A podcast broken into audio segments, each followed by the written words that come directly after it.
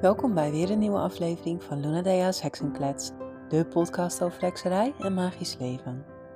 Ik ben Luna Dea en deze keer wil ik het met jullie gaan hebben over de dennenboom. Het is nu 8 uur ochtends als ik dit opneem, of 5 over 8 eigenlijk. Ik merk nu ineens dat het nog steeds donker is buiten. We gaan richting het donkerste moment van het jaar. Over een paar dagen is het met winter en dan pas is het op zijn langste moment van het donker. Nu pas realiseer ik me dat het vorige week om half acht al licht begon te worden. En het nu na achten, nu pas merk ik een beetje dat het licht begint te worden. Overal in de straat zie ik al de dennenbomen of de kerstbomen staan. Of van die palen met lichtjes die dan in het donker lijken op een boom. maar hier in huis ben ik nog niet begonnen met de kerstboom, jielboom neerzetten. Ik wil daarmee wachten tot de kinderen er zijn allemaal en dan samen de boom versieren. Het liedje wat wij kennen over de kerstboom, O dennenboom, o dennenboom, wat zijn je takken wonderschoon, die klopt eigenlijk niet. Want de kerstboom, hielboom, is geen dennenboom, dat is een spar. En ik snap de verwarring wel hoor, want als je kijkt naar alle oude bronnen over bomen, boommagie en kruiden en kruidenmagie en dergelijke, dan worden ook in de oudheid worden de bomen allemaal door elkaar gehaald. Niet, niet alle loofbomen en zo, maar de spar en de den en alle pijnboomachtigen worden allemaal door elkaar gehaald en door elkaar gebruikt, alle namen. En dat is dus blijkbaar nu, duizenden jaren later, nog steeds zo. Heel veel mensen kunnen de spar en de den namelijk niet of nauwelijks uit elkaar halen. Het zijn allemaal pijnboomachtige, naaldboomachtige. Maar er is toch wel een degelijk verschil. Je hebt de den, heeft duo naalden, D, D. Duo is dat het twee naaldigen zijn. De naalden zijn altijd samen. Dus uh, het zijn geen enkele naalden, maar dubbele naalden. Dus het buggetje is den is duo, dus tweenaaldig. En spar is solo, dus hij heeft één naald. De spar ziet er ook veel voller uit. En dat is waarom de spar, of met name de zilverspar, vaak gebruikt wordt als kerstboom. Het ziet er gewoon mooier uit. En dat snap ik ook wel. Het ziet er voller uit. Voller is dus nog groener, nog meer de associatie van nieuw leven. En nieuw leven heeft met licht te maken, dat je dat in huis haalt. De jielboom, ik noem het liever een jielboom. Het gebruik van een jielboom in huis halen is heel oud. Het komt bij de Germanen en de Saksen en dergelijke vandaan. Daar zijn ze weer. Heel veel van de gebruiken die ik deel hier, die komen daar vandaan. Maar in heel en in Scandinavië ook. Dus eigenlijk het hele noordelijk uh, Europees gebruik is om een dennenboom in huis te halen in de donkerste tijd van het jaar. Nou was het in eerste instantie bedoeld om die boom te, op te branden. Een den bevat namelijk heel veel hars en ook een verse den brandt daardoor heel makkelijk. Ja, de den wordt daarom ook wel gebruikt als vuurstarter vanwege de hoeveelheid hars en omdat hij dus makkelijk brandt. Het geeft een warm vuur, het geeft uh, lang vuur. Dus het was heel handig om een den in huis te halen, een hele boom in huis te halen en die stukje bij stukje op te branden. In de donkerste tijd van het jaar had je gewoon extra warmte nodig om je huis te verwarmen, om zelf ook warm te blijven. Maar daarnaast had de den vanwege de, het groen blijven in de winter natuurlijk sowieso ook de associatie van nieuw leven. Je eert het nieuwe leven op het moment dat alles donker en doods lijkt, is daar toch de den, is daar toch de hulst ook, die blijft ook groen. Zijn er toch die groen blijvende bomen die dat sprankje hoop in leven houden, straks later, na al dat, die donkere dagen, toch ook het licht en het leven weer terug gaat keren. En daarom waren het de dennen en de sparden en de hulst. Daarom waren het die bomen die in deze tijd van het jaar geofferd werden, geëerd werden, daar offers bijgebracht werden. En daar heb ik het natuurlijk ook al over gehad met het versieren van de bomen, met de spiegelende ballen en uh, de offers en dergelijke. Maar dat heeft allemaal met elkaar te maken.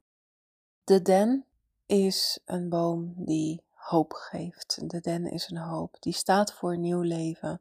De den is een boom die staat ook voor vruchtbaarheid. En dat zie je heel veel terug ook in allerlei andere gebruiken. Want de pijnboom of de pijnkoon, die staat voor vruchtbaarheid. Ik moest er even induiken om te zien, om uit te zoeken waarom nou precies de den staat voor vruchtbaarheid. Want het lijkt me helemaal niet echt een boom die vruchtbaarheid uitstraalt of is zoiets, behalve dan dat hij altijd groen is. Maar de associatie van vruchtbaarheid heeft niet met de kleur groen te maken, heeft niet met de naalden te maken, maar met de, de konen, de pijnkonen, de vruchten. Wij kennen ze als dennenappels, maar bij een spar heten het natuurlijk geen dennenappels, maar sparappels. In ieder geval de, de appels, de, de vruchten van de boom, die geven de associatie van vruchtbaarheid omdat ze rechtop staan en dus een symbool zijn. De associatie van de vruchtbaarheid van de dennenappel of de sparappel wordt heel veel gebruikt, wereldwijd nog steeds. Want je hebt bijvoorbeeld bij koningshuizen, bij geestelijken en heel veel hooggeplaatste functies gebruiken een dennenappel op een staf. En dat geeft natuurlijk direct ook de associatie aan maar waarom wordt die dennenappel dan gebruikt? Omdat het van oudsher dus een heel belangrijke boom is geweest, die voor heel veel voedsel heeft gezorgd. Wij zien de boom, de dennenboom, helemaal niet meer als voedselboom, maar dat was het dus vroeger wel. Met name de zaden werden heel veel gebruikt, eh, de naalden ook en de, de jonge dennentoppen, die werden allemaal gebruikt om te eten, om thee van te zetten. Thee met heel veel vitamine C, bevat heel veel vitamine C. Als je dit thee ervan drinkt, dan blijf je een stuk gezonder. Ook als remedie tegen scheurbuik werd er heel veel denna-thee, thee gedronken. Het hout werd heel veel gebruikt voor huizenbouw, voor uh, scheepsmasten. Het is heel sterk hout. De hars, het hars moet ik dan zeggen, werd ook gebruikt heel veel als lijm en voor teer. En de zaden werden met name heel veel gegeten. En die zorgden voor heel veel voedsel. Het schijnt gewoon heel veel, heel veel gegeten te zijn, al, al van oudsher. Nu kennen we dat nog steeds, de pijnboompitjes. Ook al heten het nog steeds pijnboompitjes, nog heel weinig mensen weten dat het van de appels komt. Wij eten het nog steeds. En nu is het meer een garnering. Vroeger werd er heel veel mee gedaan qua eten. En omdat het zo'n belangrijke boom is geweest in de oudheid, heeft het dus ook een hele ja, heilige status gekregen, als het ware, met de pijnkoon die op allerlei stafsymbolen nog steeds zichtbaar is als bovenop een staf. De pijnboom staat voor nieuw leven. En ook die associatie, nieuw leven, vruchtbaarheid, ja, hoop in de donkere dagen. Al die associaties bij elkaar zorgden ervoor dat de status van de, van de dennenboom als heel belangrijk werd gezien. Wat ik zelf ook een mooie symboliek vind van de den, is dat de dennenboom werd ook in heel veel landen gezien als de levensboom. En vanuit die associatie heeft de kerk uiteindelijk ook de, de hielboom geadopteerd als een boom die je neer mag zetten in deze donkere tijd van het jaar. En dat geeft leven, het is levensboom en kerstmis staat ook voor nieuw leven. En uiteindelijk heeft de kerk dus de hielboom ook geaccepteerd als de kerstboom, als de boom die hoop geeft in deze donkere tijd. Maar bij sommigen, kijk, heel vaak wordt er gezegd dat de levensboom dat dat een S is of een, een andere, andere loofboom is.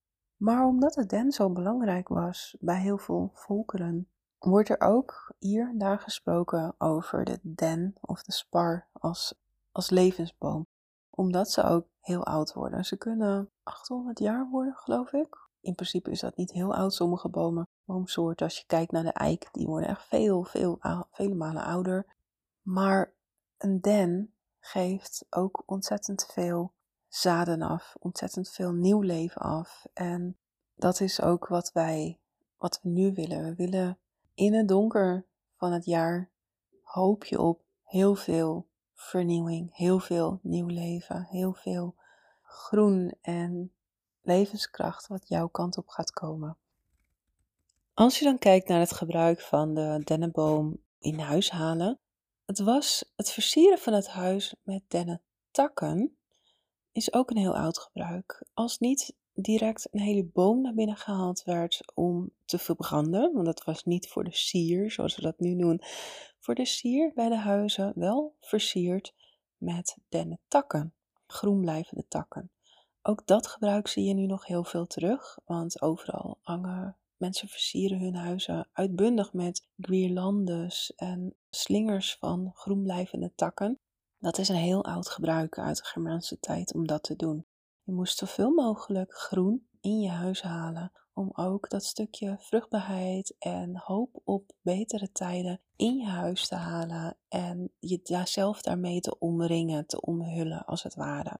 Er zijn nog andere gebruiken van takken, zoals het ophangen van een dennentak bij de schuur bij je huis, in de nok van je huis, om de bliksem af te weren en onheil af te weren. Er werd namelijk vroeger gedacht dat een den niet geraakt kon worden door de bliksem. Dus hing je een, of zette je een dennentak op de nok van je huis, dan was dat een soort bliksemafleider en ja, zorgde je ervoor dat je huis niet geraakt zou worden door de bliksem. Maar het versieren van je huis met dennetakken is dus ook een heel oud gebruik om de vruchtbaarheid en goedheid en hoop op betere tijden je huis binnen te halen. De kleur groen in magie is nog steeds ook een kleur die gebruikt wordt voor voorspoed.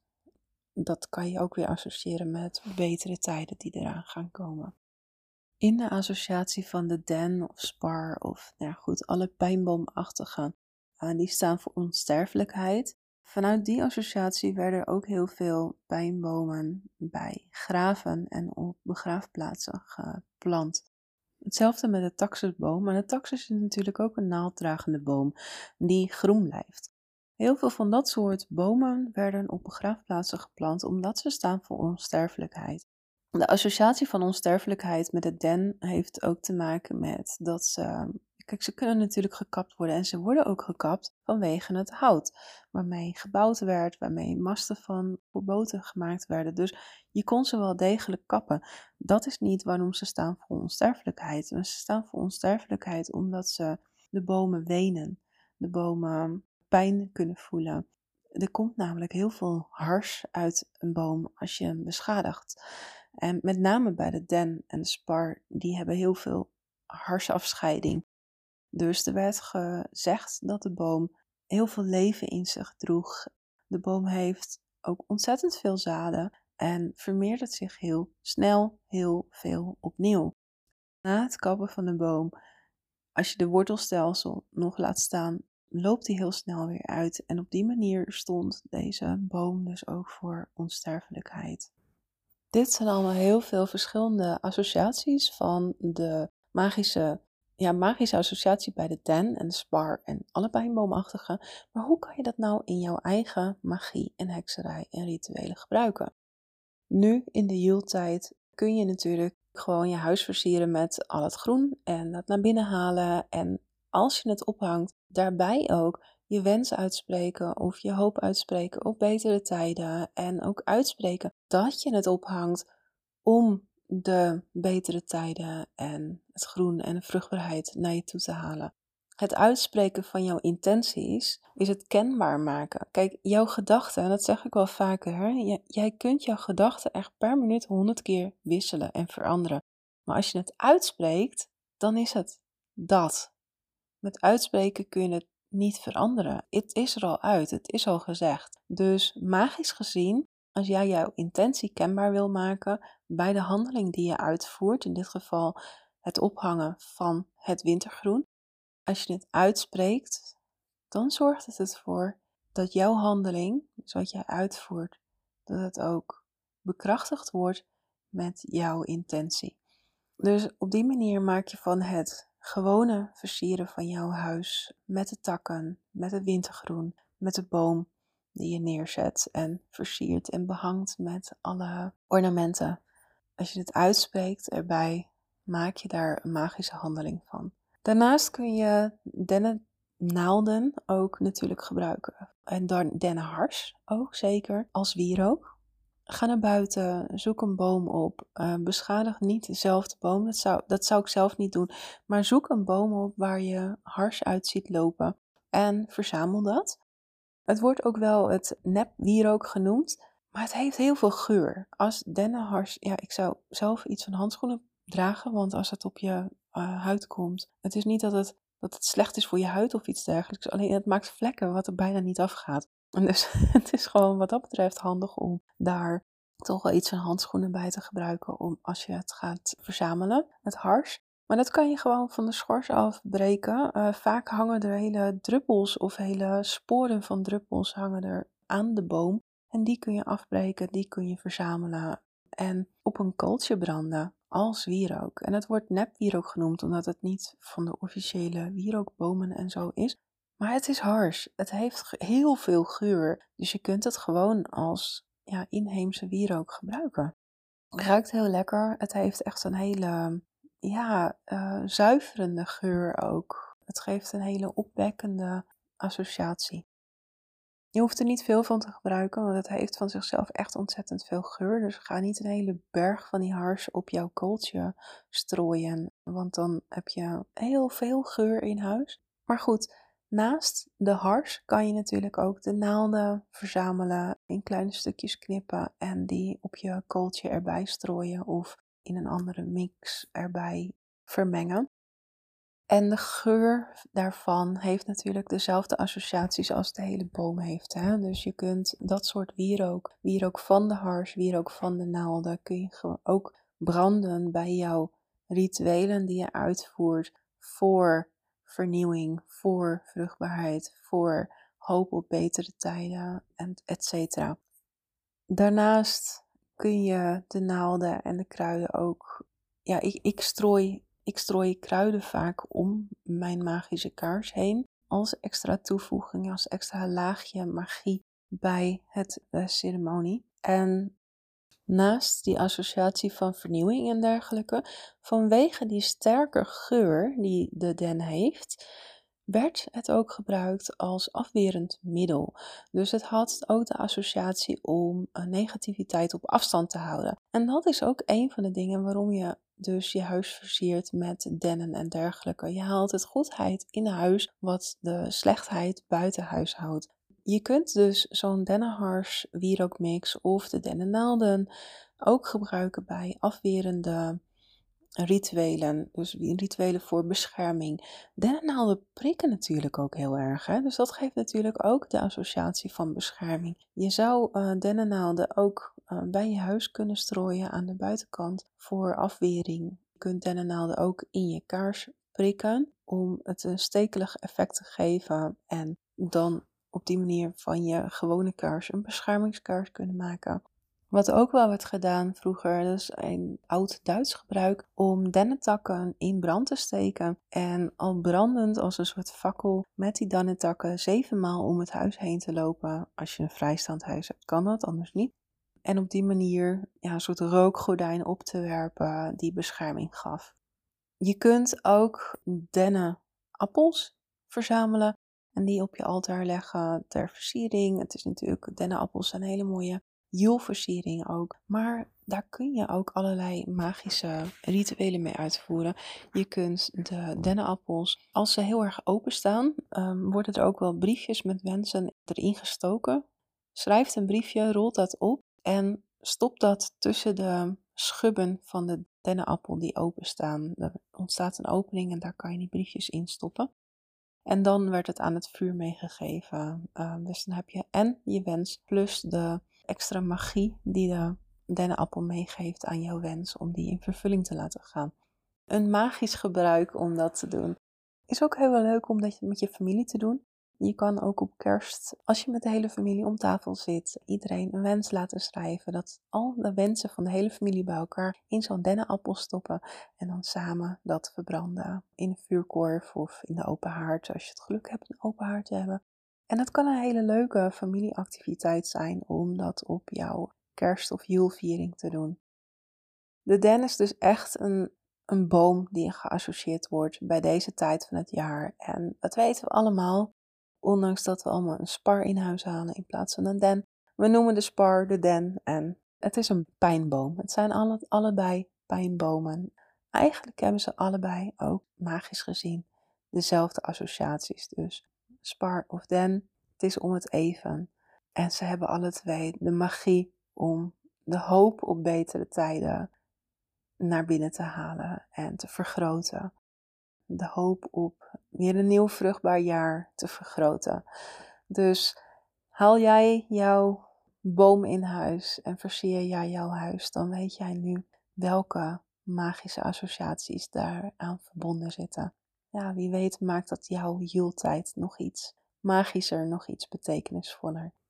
Dat was hem weer voor vandaag. Ik hoop dat je het weer een leuke aflevering vond. Ik wil iedereen trouwens nog heel erg bedanken voor alle vele berichten die ik krijg. Lieve woorden en positieve reacties op alle podcasts die ik maak. De laatste tijd gaat het veel over oude gebruiken. En dat wordt heel erg gewaardeerd. Ik krijg ontzettend veel berichten met: Oh, wat ontzettend leuk om nu te weten wat er achter al die gebruiken zitten. En ontzettend veel reacties op uh, de laatste podcast ook over de kerstbal. Dus uh, ja, dat vind ik leuk. Dus dank jullie wel. En tot de volgende keer weer. Doei doei!